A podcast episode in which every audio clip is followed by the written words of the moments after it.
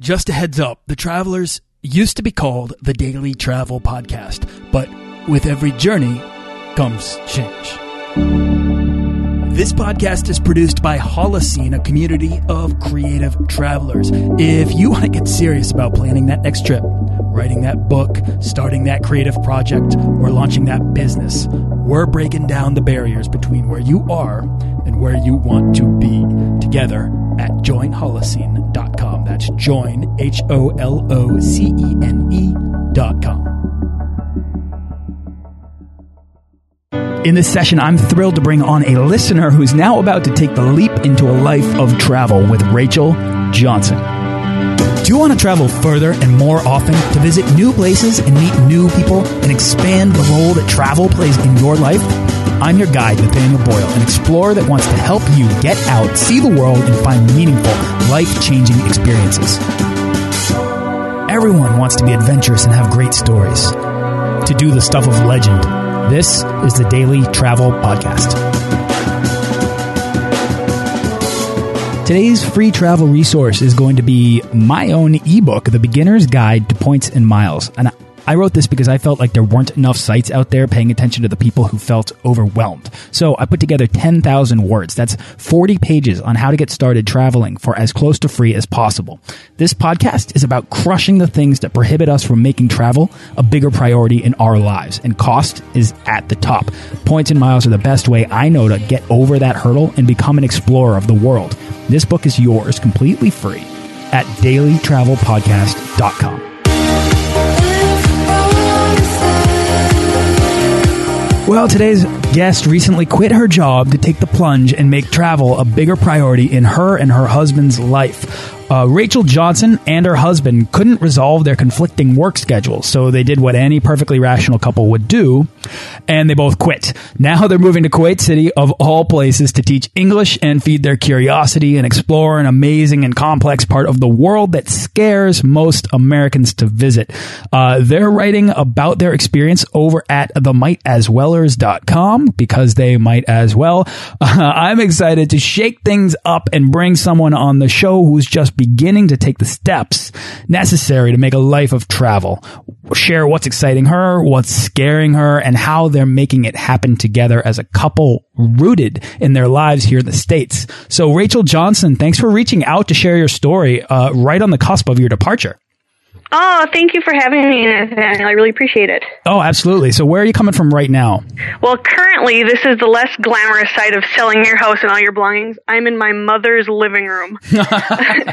yeah. So, we uh, closed on our house a couple weeks earlier than we anticipated. So, we're at this um, homeless stage of our life. So, we're crashing with my mom until we take off for Kuwait City and about 10 days.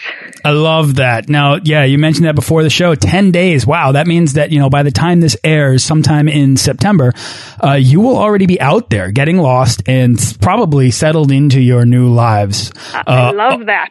It's so cool. All right. So, um, before we get into, um, Kuwait, why, and what's waiting for you over there, I just want you to step back, take a moment, tell us about yourself, who you are, and how you got started traveling. Sure. Include um, your husband in this too, please. Oh, absolutely. Um, we have two very different upbringings within um, the travel department. Where I grew up in a very small town in northern Minnesota, right on the Canadian border. Where, I mean, we were very rural. It was about a six-hour drive to get to a mall, and just very far away from the rest of the world. So I spent my childhood kind of dreaming about all those exotic, faraway places. And I had a grandfather who loved to feed that.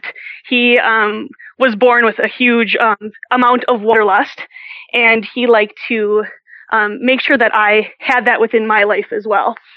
So um, when I was 15 was my the first time I did an overseas trip, and I um, headed off to Europe with a school group, and it was kind of uh, love at first um, boarding ticket, I guess. I I just loved um, learning new things and seeing new places and experiencing that newness that I didn't have in my little small town.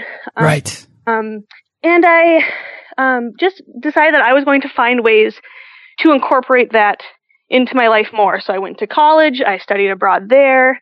Um, and it was in college where I met my husband who has almost as much of that wanderlust bug as I do. Um, he grew up in a military family where they lived overseas with um, his dad's placements and traveled quite a bit as a child from living in different locations.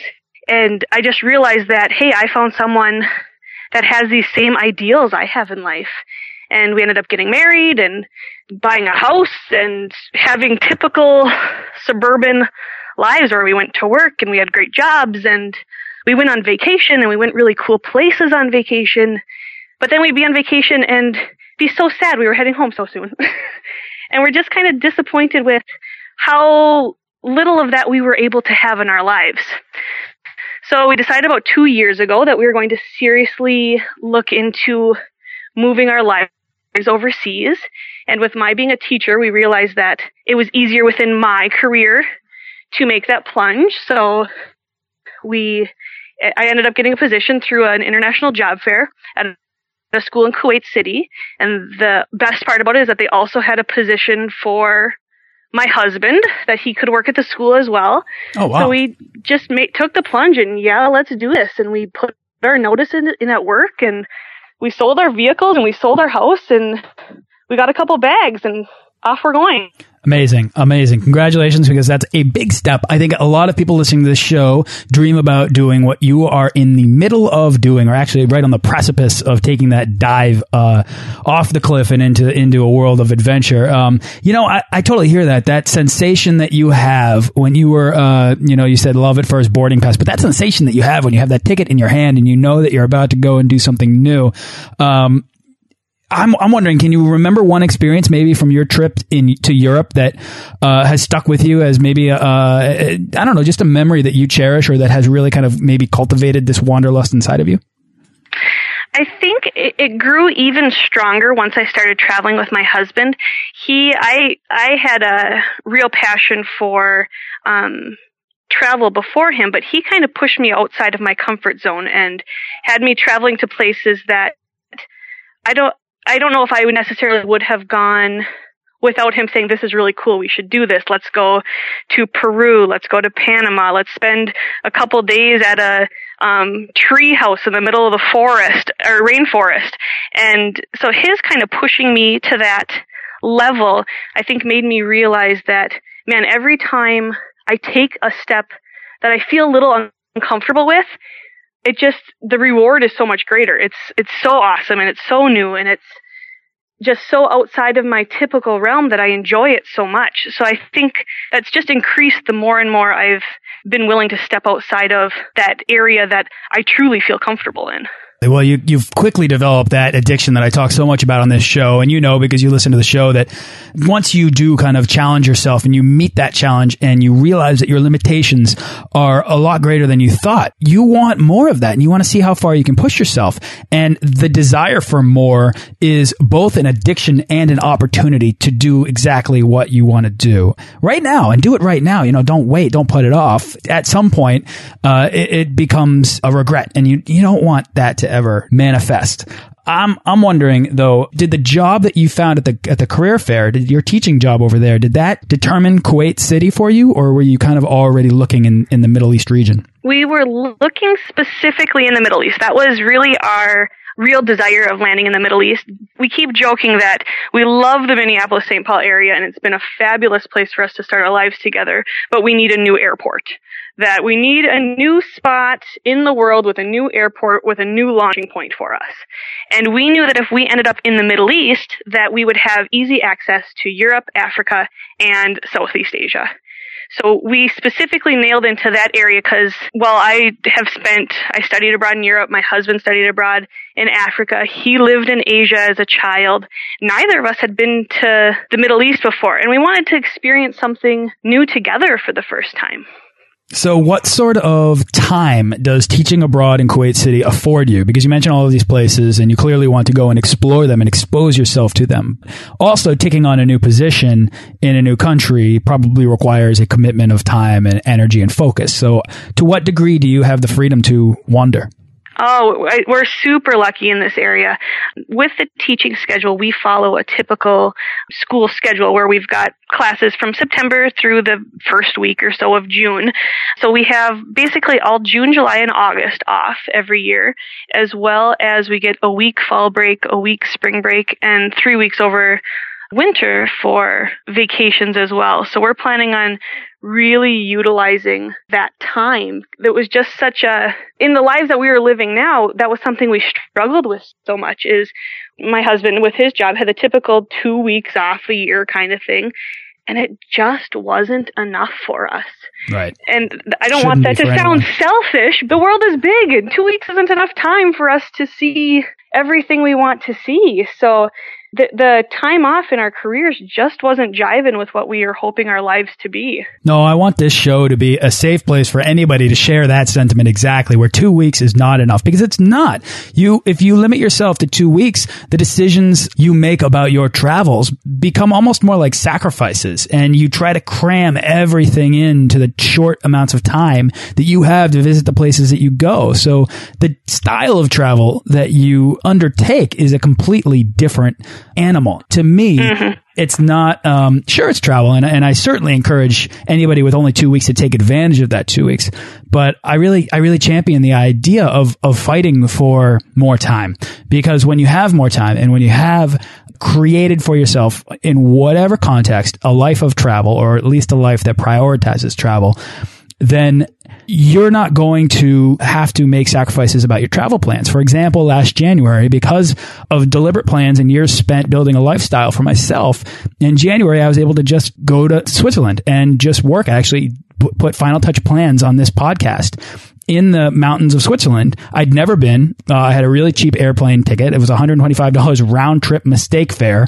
And so I just went over there. And if I only had two weeks to do that, I wouldn't just be up and going and working. I mean, I literally sat in cafes in the mountains and worked. If I had only two weeks, I'd be asking my wife, Hey, where do you want to go? You know, what do you want to do? And then I'd be traveling with her to specific places and cramming in everything so that we could see it. And to me, that's very drastically different. Um, that to me is not a life of travel. So I really, uh, I really like to applaud anybody who's kind of taking the steps to build this thing for, for herself like you are, which is why I'm, I'm thrilled to have you on here. I am interested though. So that, so that's basically said a little over five weeks to really explore the rest of the world. And, uh, that leaves, uh, 11, 10, 10 months and three weeks pretty much to, uh, really get to know the Middle East from Kuwait City. Are you, what are you, what's exciting you the most about that? I think what's exciting me the most about that is whenever we have gone to visit another country or another culture, we get there and I feel like I leave and I still don't really know the people. And I still don't know kind of what makes them tick. And specifically, I'm very interested in learning more about different world religions that really is intriguing to me. And I absolutely love the idea that we get to immerse ourselves in this culture that's very different from our own and truly learn about the people of this Middle Eastern region who I feel like for a lot of Americans, just the words Middle East in itself, it, it causes some hesitation for people. And so I, I'm excited to learn about something that is just a little bit further outside of that comfort zone that I normally stand in. So what was the previous step that you had taken before this curiosity arose to explore the Middle East? What was the step that almost prepared you for it? I think what has really helped is we have a um, good friend of ours that a few years ago he took the step with his family and he moved with his wife and four children to Oman over into the Middle East and we've just been watching through through Facebook and through times when we get together in the summer months when he's home about this new life that he's living.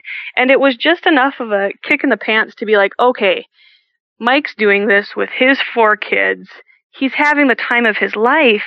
It's a lot easier for us to jump without kids. Not that you can't. I mean, Mike obviously proves that you can with kids, but it's just my husband and I right now. It's like if if we're not going to do this now, then when? Like let's let's jump. Let's do this.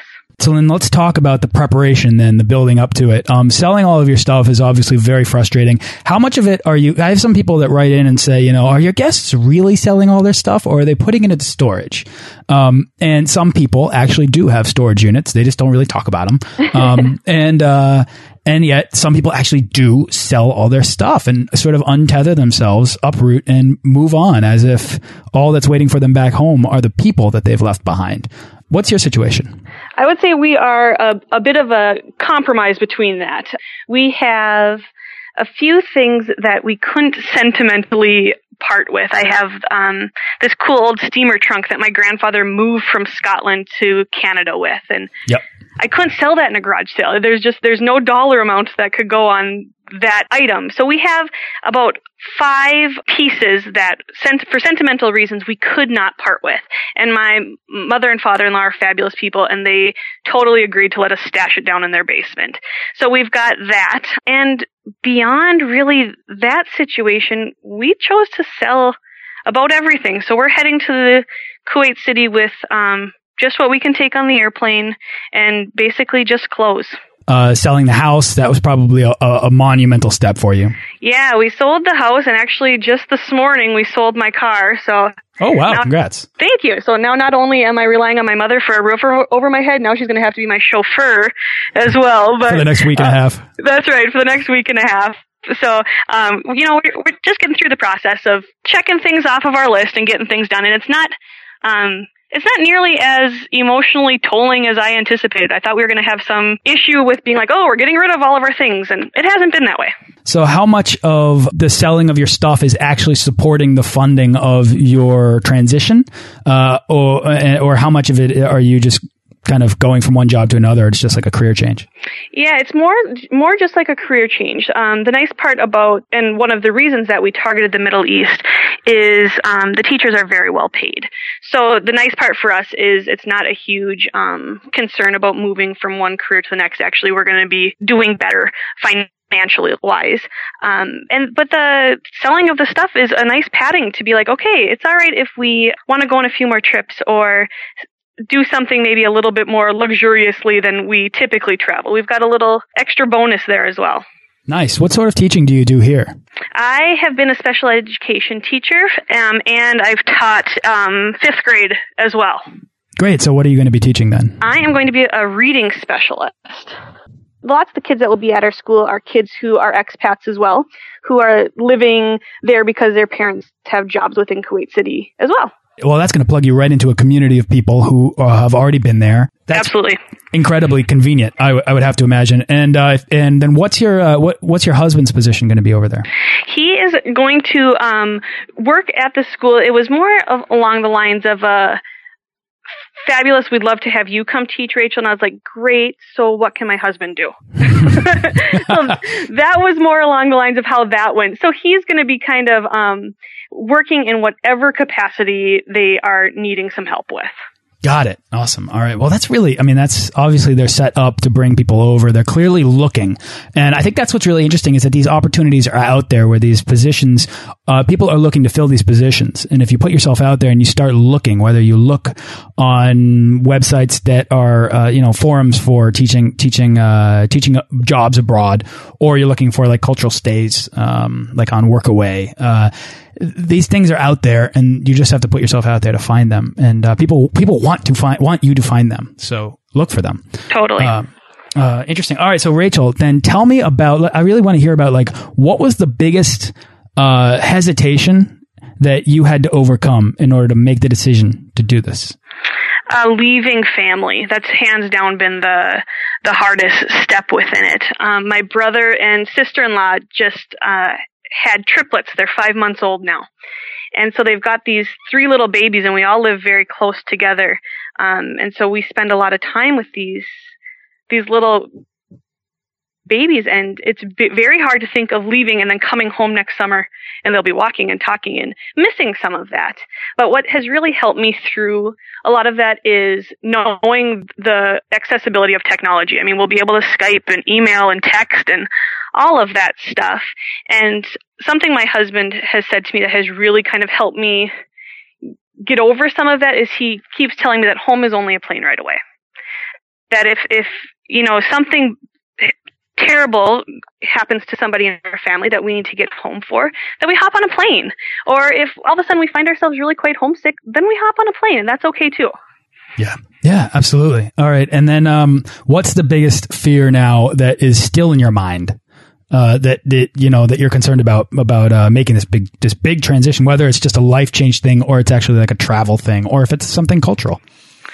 Um, I would say I'm at this point. I'm probably most concerned about um, cultural things. I want to make sure that I, in entering into a culture that I'm not accustomed to, I want to make sure that I'm not disrespectful to somebody. That I n- not intentionally, but do something disrespectfully culturally that I don't even know that I'm doing. So I would say that that's probably one of my things that I'm thinking quite a bit and making sure I'm reading prior to leaving and will talk to people once I get there about what do I need to do so that I can culturally fit into this society because I'm I'm entering into their culture as a guest and I want to make sure that I'm respectful in that manner.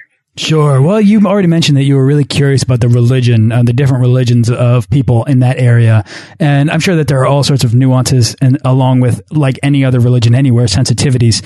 Uh, if you're already curious about that and sensitive to this, I'm sure you're going to be fine. My uh, advice has always been to just hang back and, and let the locals lead you and always ask, always ask people first if you want to, you know, take their picture or if you want to, uh, you know, have a meal at their house or whatever, you know, always ask them because people always appreciate being asked. It's such simple advice, but it really does work. I'm just curious: is there anything else that you know you want to add about uh, about the experience uh, before we begin to wrap up here?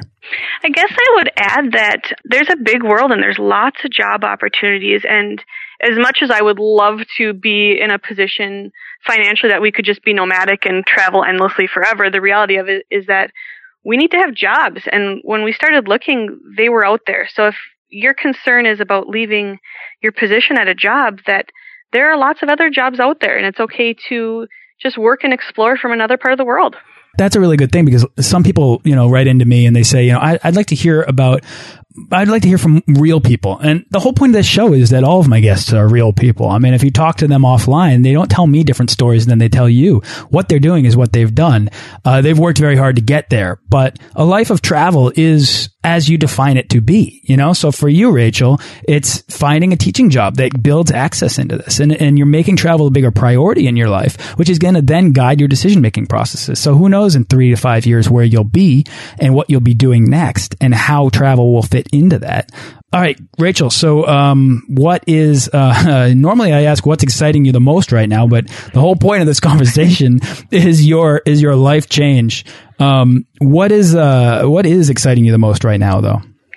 I would say what's exciting me the most is I I feel like we're standing on the top of a of a diving board and we have all, we can see all these people down in the water swimming and having tons of fun and we're just standing there deciding like okay let's jump let's jump. And i feel like next week when we hop on our plane we get to take the jump and we get to be in the water and playing and having fun with everyone else. Oh i love it. That's such a good way of thinking about it because really it is all about play. I mean, to me, uh, travel is all about imagination, you know, because you listen to the show, but you know, to be able to put yourself in a position uh, in which everything in front of you is foreign and you're looking at it with that childlike sense of wonder, it gives you that sensation of playfulness, you know, and uh, uh that to me is like it, it is fun and it's a way for you to to find these imaginative worlds to explore in the real world. Uh, you know, they're not. You don't just have to go to the movies or read a book to have an adventure to, to explore a fantasy world. You can go move to Kuwait City.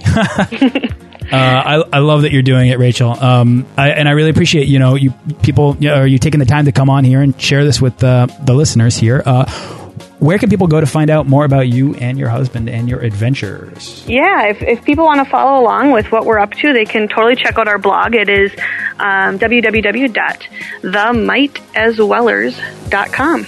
Awesome. Rachel, I wish you a lot of luck on your journey and your transition and in your new life. Um, I'd love to hear from you again. You should come back on and just be like, here's where we are now. And, uh, you know, we made the decision, we did it. And uh, I, I'm 100% confident that you're just going to love this decision. And even if you get there and you say, you know what, Kuwait City's not for us, some guests come on the show and, and kind of say that that's happened to them.